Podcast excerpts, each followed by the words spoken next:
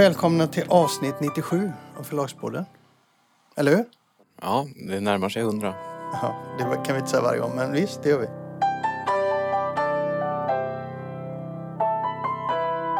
Eh, vad gillar du Bonniers ställning i Norge då? Du syftar på det här med robotinläsningarna? Ja, jag syftar på Strawberries, eh, vad ska man kalla det? Den rollen de har plötsligt tagit i den norska bokbranschen. Jag tycker det är väldigt roligt.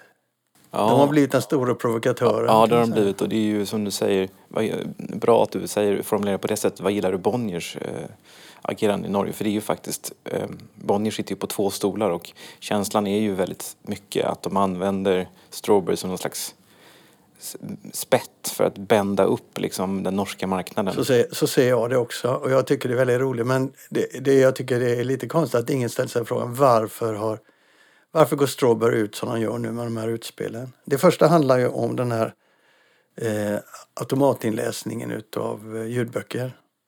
Mm. Knappt 300 ljudböcker översatte de, eller talade de in med eh, ren teknik. robot. Med en robot. Strax före jul. Spelar ingen roll hur många det är, det väckte väldigt mycket uppmärksamhet i Norge. Hur kan de göra så? Och det är ju oförskämt mot lyssnarna. Ja, fast eh, vi måste ju förklara för våra lyssnare varför de gjorde så.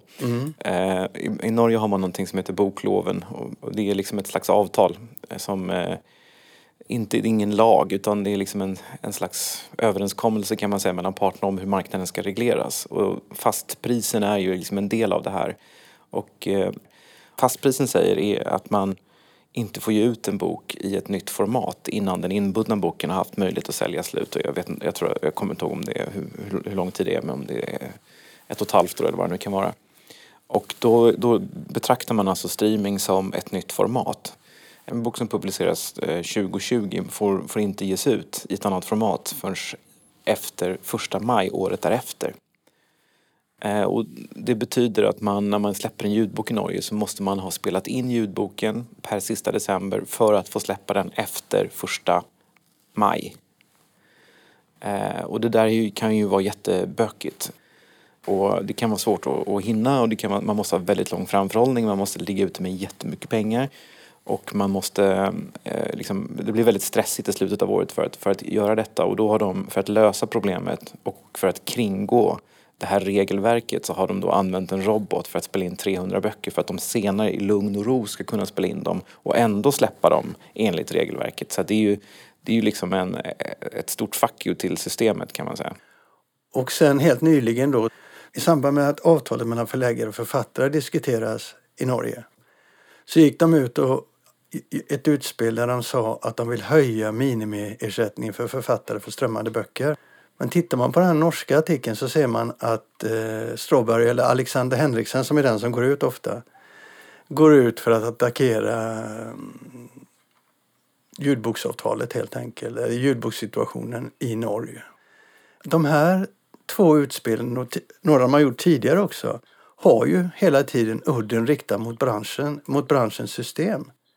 Men ingen pratar om det utan alla går på den konkreta frågan och blir upprörda av den konkreta frågan. Ja, där säger du något väldigt bra. Ingen talar om vad det egentligen handlar om utan man låtsas att det handlar om någonting annat. Ja. Men här tror jag att Bonnier tänker nöta ut eh, fastprissystemet och efterhand försöka få det ersatt med ett friprissystem. Man vet aldrig i Norge vad som, vad som är sanning och osanning och vad som är äkta uppsåt och, och, och vad som är bara ett, ett lurigt eh, spel bakom kulisserna. Och känslan här är att eh, vad, vad Strawberry egentligen vill det har man ingen aning om. Men jag är inte säker på att det är att ha fler regler och eh, eh, fasta avtal och såna här saker.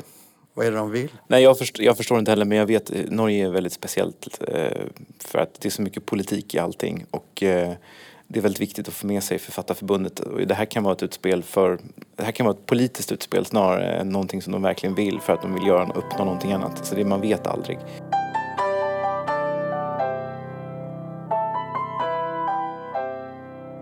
Eh, vi talade ju tidigare om att eh, akademikerna skulle börsnoteras och det har nu mm, bekräftades senare och eh, det var en artikel i Dagens Industri idag där Maria Edsman berättar att Akademibokhandelsgruppen kommer byta namn till Bokusgruppen.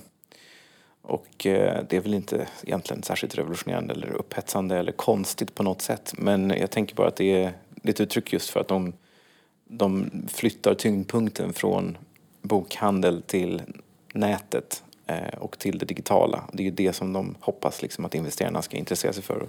Det är så man ska tolka namnbytet. Så att eh, ska man köpa aktier så blir det inte Akademibokhandeln utan i Bokusgruppen.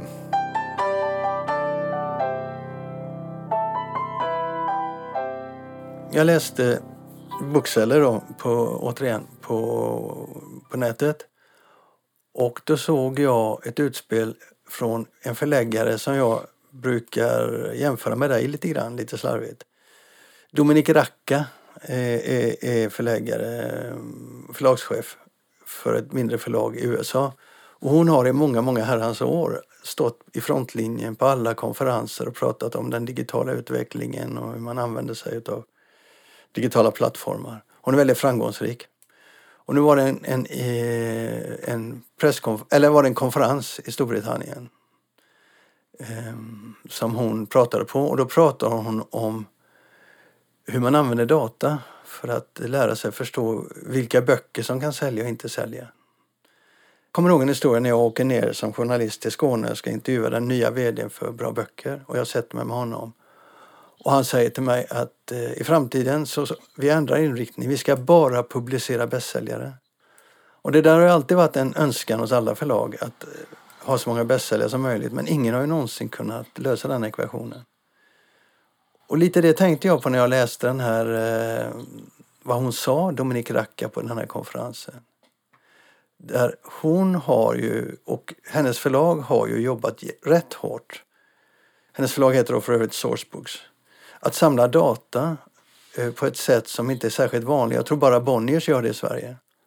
Hon samlar data från en hel del olika utgångspunkter eh, Eh, med sina eh, kreativa samarbetspartner, med försäljningsinformation, med säljanalyser och användare på nätet. Hon använder sig av Microsoft Analytics eh, och hon använder sig av Bookscan, de som har hand om försäljningsanalyser och sånt, eller försäljningsstatistik. Men också, också traditionella fokusgrupper? Va? Ja, det gör ju Bonniers också. Och så använder sig av, av eh, och testa hela tiden. Och gör intervjuer. Allt det här, alla de här källorna drar hon ihop och försöker lägga ett mönster när de ska ge ut böcker och se vilka böcker har en chans att överhuvudtaget eh, fungera. Och med det menar man ju inte bästsäljare utan menar nå, nå köpare, eh, kunna nå break-even så att säga. Inte gå med förlust och så. Och det är lite annorlunda än att säga att man bara ska ge ut bästsäljare. Men, men jag fick det i bakhuvudet när jag såg det. Men jag tycker det är intressant. Jag tycker det är otroligt intressant. Och det där borde många, många fler förlag eh, faktiskt syssla med. Analysera alla de här källorna här ute. Hur de ser på, på deras utgivning och så. Ja, jag är skeptisk. Ja, det vet jag. Skojar du eller? Jag vet däremot att när, när Bonniers har börjat med de här grejerna så har jag varit där och gjort intervjuer och pratat med dem och så. Och jag tror att de, de är ju överlägsna i sina analyser idag i marknaden jämfört med andra svenska förlag. Och det är för att de har tagit det här på allvar. Det är därför att de gör de här eh, analyserna. Det är de söker hela tiden mer och mer kunskap och bredare kunskap. Och jag tycker att det där vore någonting som Förläggarföreningen skulle jobba med och det som andra förlag skulle jobba med mer aktivt för att se vad kan vi lära oss om marknaden mycket mer. Hur reagerar du då på den här artikeln? Nej men eh, eh, jag tror att man måste också skilja lite grann på skönlitteratur och facklitteratur. Eh, men eh, eh, rent allmänt så kan man väl säga att bokbranschen är ganska dålig på att arbeta med statistik och data. Och eh, jag tror att man, bara man börjar titta väldigt mycket på den datastatistik man har så kan man lära sig väldigt mycket. Det är ju många förlag som faktiskt inte vet exakt eh, hur mycket de kanske omsätter på skönlitteratur eller det är många som har lite dålig koll på hur tungt vissa författarskap väger eller man tror att man tjänar pengar på vissa grejer och så visar det sig att man gör inte det. Så jag tror att det finns ju mycket att göra genom att bara liksom gå tillbaks till den ganska enkla eh, försäljningsstatistik man har och titta på den. Sen tror jag att man kan också säkert eh, om man jobbar med fackböcker och så, så tror jag att det finns jättemycket intressant statistik att hitta. Vi, har ju, vi gjorde ett inslag i podden för något år sedan eller två Eh, om det här amerikanska förlaget vars namn jag nu har glömt som byggde just på den idén att de eh, med Google eller vad det nu var. De, de liksom fångade in olika sökord och sånt där och kunde se att nu, nu, nu har liksom andelen sökningar på eh, biodynamisk honung ökat så att nu ska vi göra en bok på det. Jag har inte hört något mer om det där, jag vet inte hur, hur, bra det gick. Men, men där kan man ändå tänka sig att det kan vara ett jättebra sätt att faktiskt fånga upp trender på. Men vad gäller skönlitteratur så är jag väldigt skeptisk. Eh, och jag tror att även om man, även om man jobbar liksom med all den här datan så måste man ha, man får inte tro för mycket på den. Eh, man måste också lita till sin traditionella magkänsla och, och liksom faktiskt våga testa saker därför att det fina med förlagsbranschen och det gäller då i synnerhet skönlitteratur det är att du kan ju aldrig liksom tänka dig fram till, till de största succéerna för de är alltid oväntade och de är alltid överraskande. Men det är klart att du kan se att vi kanske ger ut för få deckare eller vi kanske ger ut för mycket översatt eller vi kanske borde minska här och öka där. Det kan du se på data men du kan ju inte, du kan inte hitta liksom en ny samlade verk exempelvis av eh, Lydia Sandgren. Ingen hade ju kunnat veta att det skulle bli en sån succé. Da Vinci-koden, helt omöjligt. Det finns ju massor av liknande böcker som är ungefär lika bra. Du kan aldrig liksom förutse och, det, och där är jag också liksom, tveksam då till, till fokusgrupper. Eh, men eh, eh, man, man kan ju som förläggare genom att vara väldigt nyfiken läsa mycket, tänka mycket och ha, en, liksom, eh, ha sin egen liksom, eh, dataanalys på gång. Eh, och, så jag är inte så säker på att alla förlag skulle tjäna så mycket på att försöka samla in data utan jag tror man ska kanske titta lite mer på den data man har och vara lite mer eh, kreativ. Jag, jag tror ju mer på det, det beror på vilka frågor du ställer till dina fokusgrupper. Men om du tittar på de sakerna hon föreslår så är det rent eh, faktainformation men det är också mjukare information. Det är samtal, väldigt mycket samtal och det är intervjuer. Och sen är det tester och så. Jag tror att du kan få fram väldigt mycket information. När Eva Svartz började i, blev chef för natur och kultur så kom hon ju från eh, TV. Eh, och hon, jag minns att hon sa att hon var väldigt förvånad över att bokbranschen liksom, ja, inte verkade bry sig överhuvudtaget om det här med statistik och fokusgrupper och sådana saker. En, en, en väldigt viktig skillnad där, som en poäng som hon gjorde var att när du ska sätta igång kanske en tv-produktion eller eh, liksom en tv-serie eller en film så är liksom budgetarna de är otroligt höga. Så lägger du en halv miljon på fokusgrupper eller liksom data eller statistik eller så här, så är det ingenting. Men för samma belopp i bokbranschen så kan du ge ut ett par böcker. Så att bokbranschen har ju också sin egen, alltså, eh, det finns ju hela tiden en slags, vi släpper ju hela tiden ut liksom testballonger på något sätt. Eh, och ibland så kan det vara lika mycket ett sätt att testa liksom en marknad som att faktiskt undersöka. Alltså vi undersöker väldigt mycket i, i, i praktiken hela tiden. Mm. Alltså när vi ska ge ut exempel, eh, rent konkret exempel så, så eh, eh, om vi ska testa att ge ut en ny genre kanske som vi inte har gjort förut eller eh, vi kanske ska testa att ge ut, eh, vi, liksom, vi är dåliga på äldre historia, vi gör, vi gör några äldre, mm, vi gör lite böcker om 1600-talet, vi gör en bok om antiken. Eh, det är ju inte möjligt att liksom, sätta ihop fokusgrupper som du kan inte få fram någon form av eh, underlag för ett utgivningsbeslut som eh, har någon slags relevans. Eh, och de där böckerna är så pass relativt billiga att ge ut så att du ger ut dem och sen så funkar det, du ger ut några till och sen så har du din datainsamling. Mm, men men det, är, det är ett sätt att se på det. Jag tycker du är lite för snäv. Det finns ett annat sätt att se på det. Det är att använda de möjligheterna som finns där ute och se vad kan vi göra av dem framöver? För det är ofta här är nya metoder, det här är ny, nytt sätt att se, nytt sätt att Absolut, tänka. Absolut, men det finns, det finns jättemycket att göra där men i ett läge där man knappt tittar på den data man har så vet jag inte hur mycket man kan lära sig av det här. Nej, men jag tänker att det här skulle kunna vara en, en uh, intressant punkt att utveckla branschmässigt, att låta Förläggarföreningen titta på det och ha utbildningar i det här. Jag tror att det skulle vara väldigt nyttigt för alla mindre förlag som inte kan klara av det här själva. Ja, oh, jag vet inte om jag tycker det är en fråga för Förläggarföreningen direkt. Men...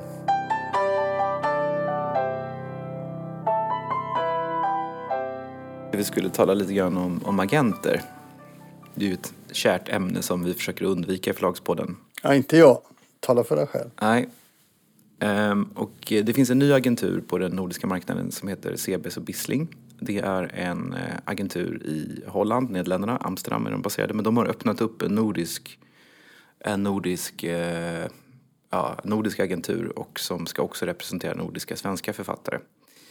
Eh, men de har tidigare varit underagent åt massor av eh, framförallt amerikanska och engelska förlag. Så det finns nog nästan inget förlag i Sverige som inte haft kontakt med dem. Och nu fick jag ett mejl av dem eh, där de skriver att med detta mejl så vi vill göra er uppmärksammade på att ni ska kolla alla kontrakt ni har och på titlar som snart ska publiceras. Och se till så att omslag och titlarna är godkända av författarna och att ni ska skicka allt material till oss inklusive en översättning av titeln och eh, undertiteln i god tid eh, innan ni gör era bokkataloger och skickar dem till trycket och börjar er insäljning. Så att vi inte behöver eh, ha någon stress. Eh, och även i de fall där det inte kanske behöver godkännas så vill vi gärna att ni skickar över allt detta till oss i alla fall. Och det blir du irriterad på, utgår jag från. Irriterad? Jag blir, ja, nej, men jag blir, jag blir ganska trött faktiskt. Eh, och eh, även här kan man väl säga att det finns liksom två olika perspektiv. Att agentens perspektiv är att man ska jobba för författaren och man ska liksom se till att författarens intressen representeras och man ska ställa krav på förlagen. Eh, men i det här fallet så handlar det då om man, det här, här är lite grann två olika sätt att se på, på liksom marknadsföring. Det finns de som menar på att författaren alltid vet bäst eh, och agenten alltid vet bäst. Och sen så finns det de som menar på att den lokala marknaden kan man inte så att man ska låta liksom, det lokala förlaget själva utforma exempelvis bokens omslag. Um, och för oss på förlagen så är det här fruktansvärt besvärligt uh, och otroligt mycket jobb.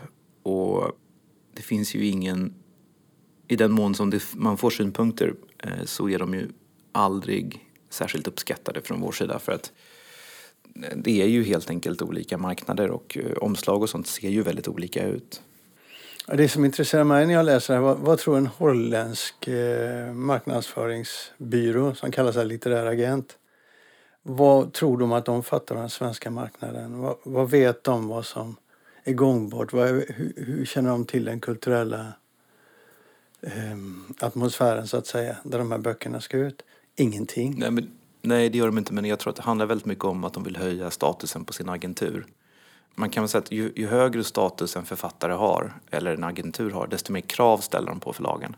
Mm. Eh, och eh, just det här att man ska godkänna grejer, det är då, det är då en sån här check, check-grej. Att det liksom är, titta här, vi, vi liksom, ja, man, man ska hålla förlagen lite på mattan, man ska liksom minsann ställa krav på dem och sådär. Men det blir en enorm eh, arbetsbörda även för agenterna. Mm.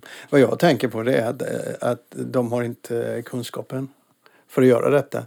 Och de gör det mer mot författaren ska säga att de gör det de ska. Ja. Men för min del så, så är jag lite mer bekymrad över deras enkelspårighet. Ofta, det behöver inte betyda det, men ofta är det här när det gäller agenter att de har ingen litterär kunskap.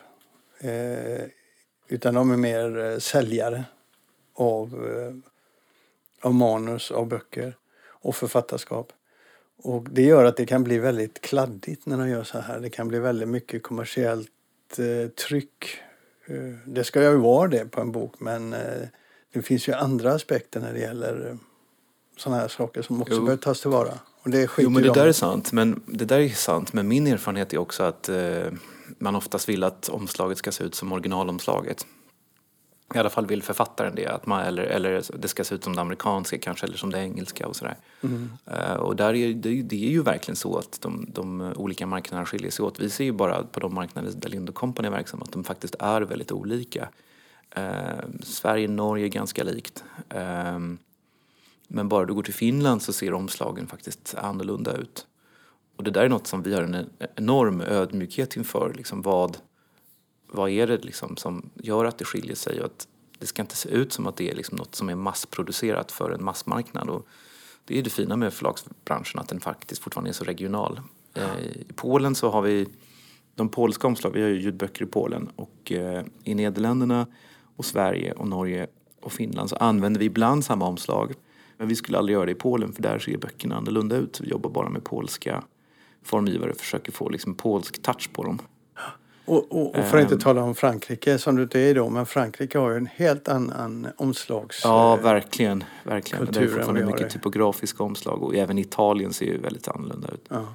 Och även Och Tyskland. det där är ju bara att, tro. att tro att man ska kunna säga det här är rätt eller det här är inte rätt. Och sen, varje förlag har ju liksom sina egna försäljningskanaler och de kanske hade någon liknande bok som såg ut på ett visst sätt. De kanske har en bokklubb där böckerna ska se ut på ett visst sätt. Alltså det finns ju så otroligt mycket som man inte kan om man ska sitta och godkänna omslag på, på en mängd olika språk. Det jag gillar med det där mejlet, för du skickade det till mig också. Det är det står där. Tack för ert samarbete avslutar han eh, agenten med. Ja, ja.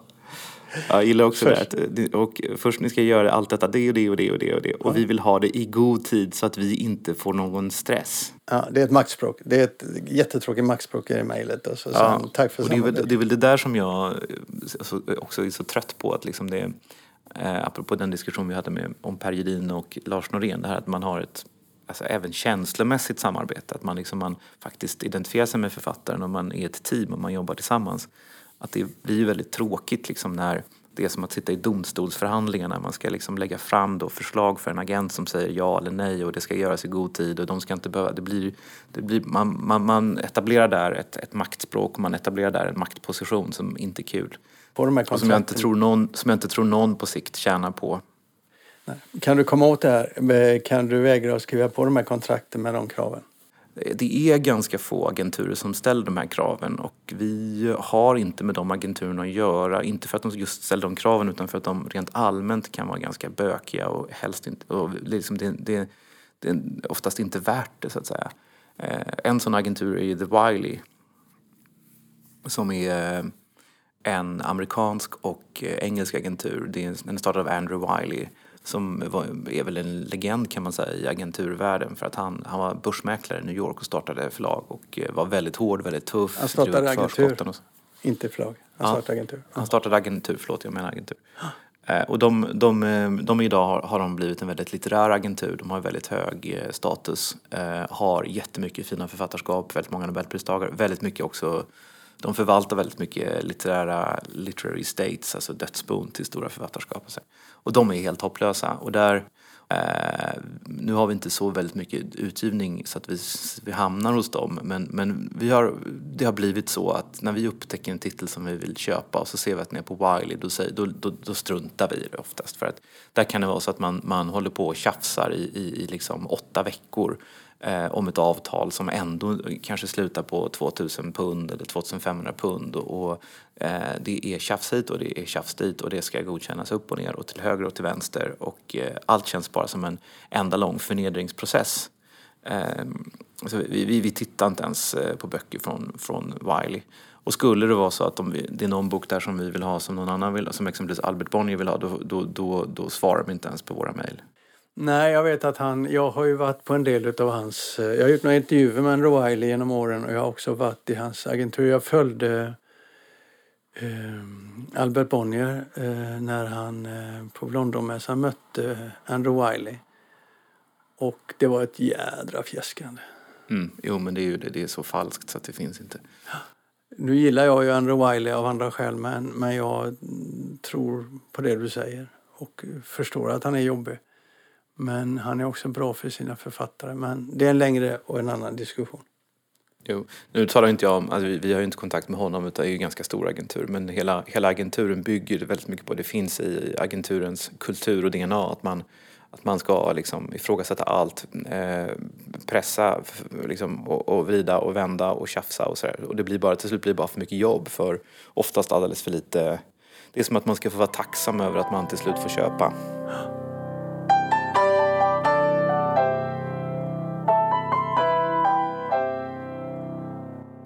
Det var allt för Förlagspodden 97. Det var det. Vi hörs om en vecka.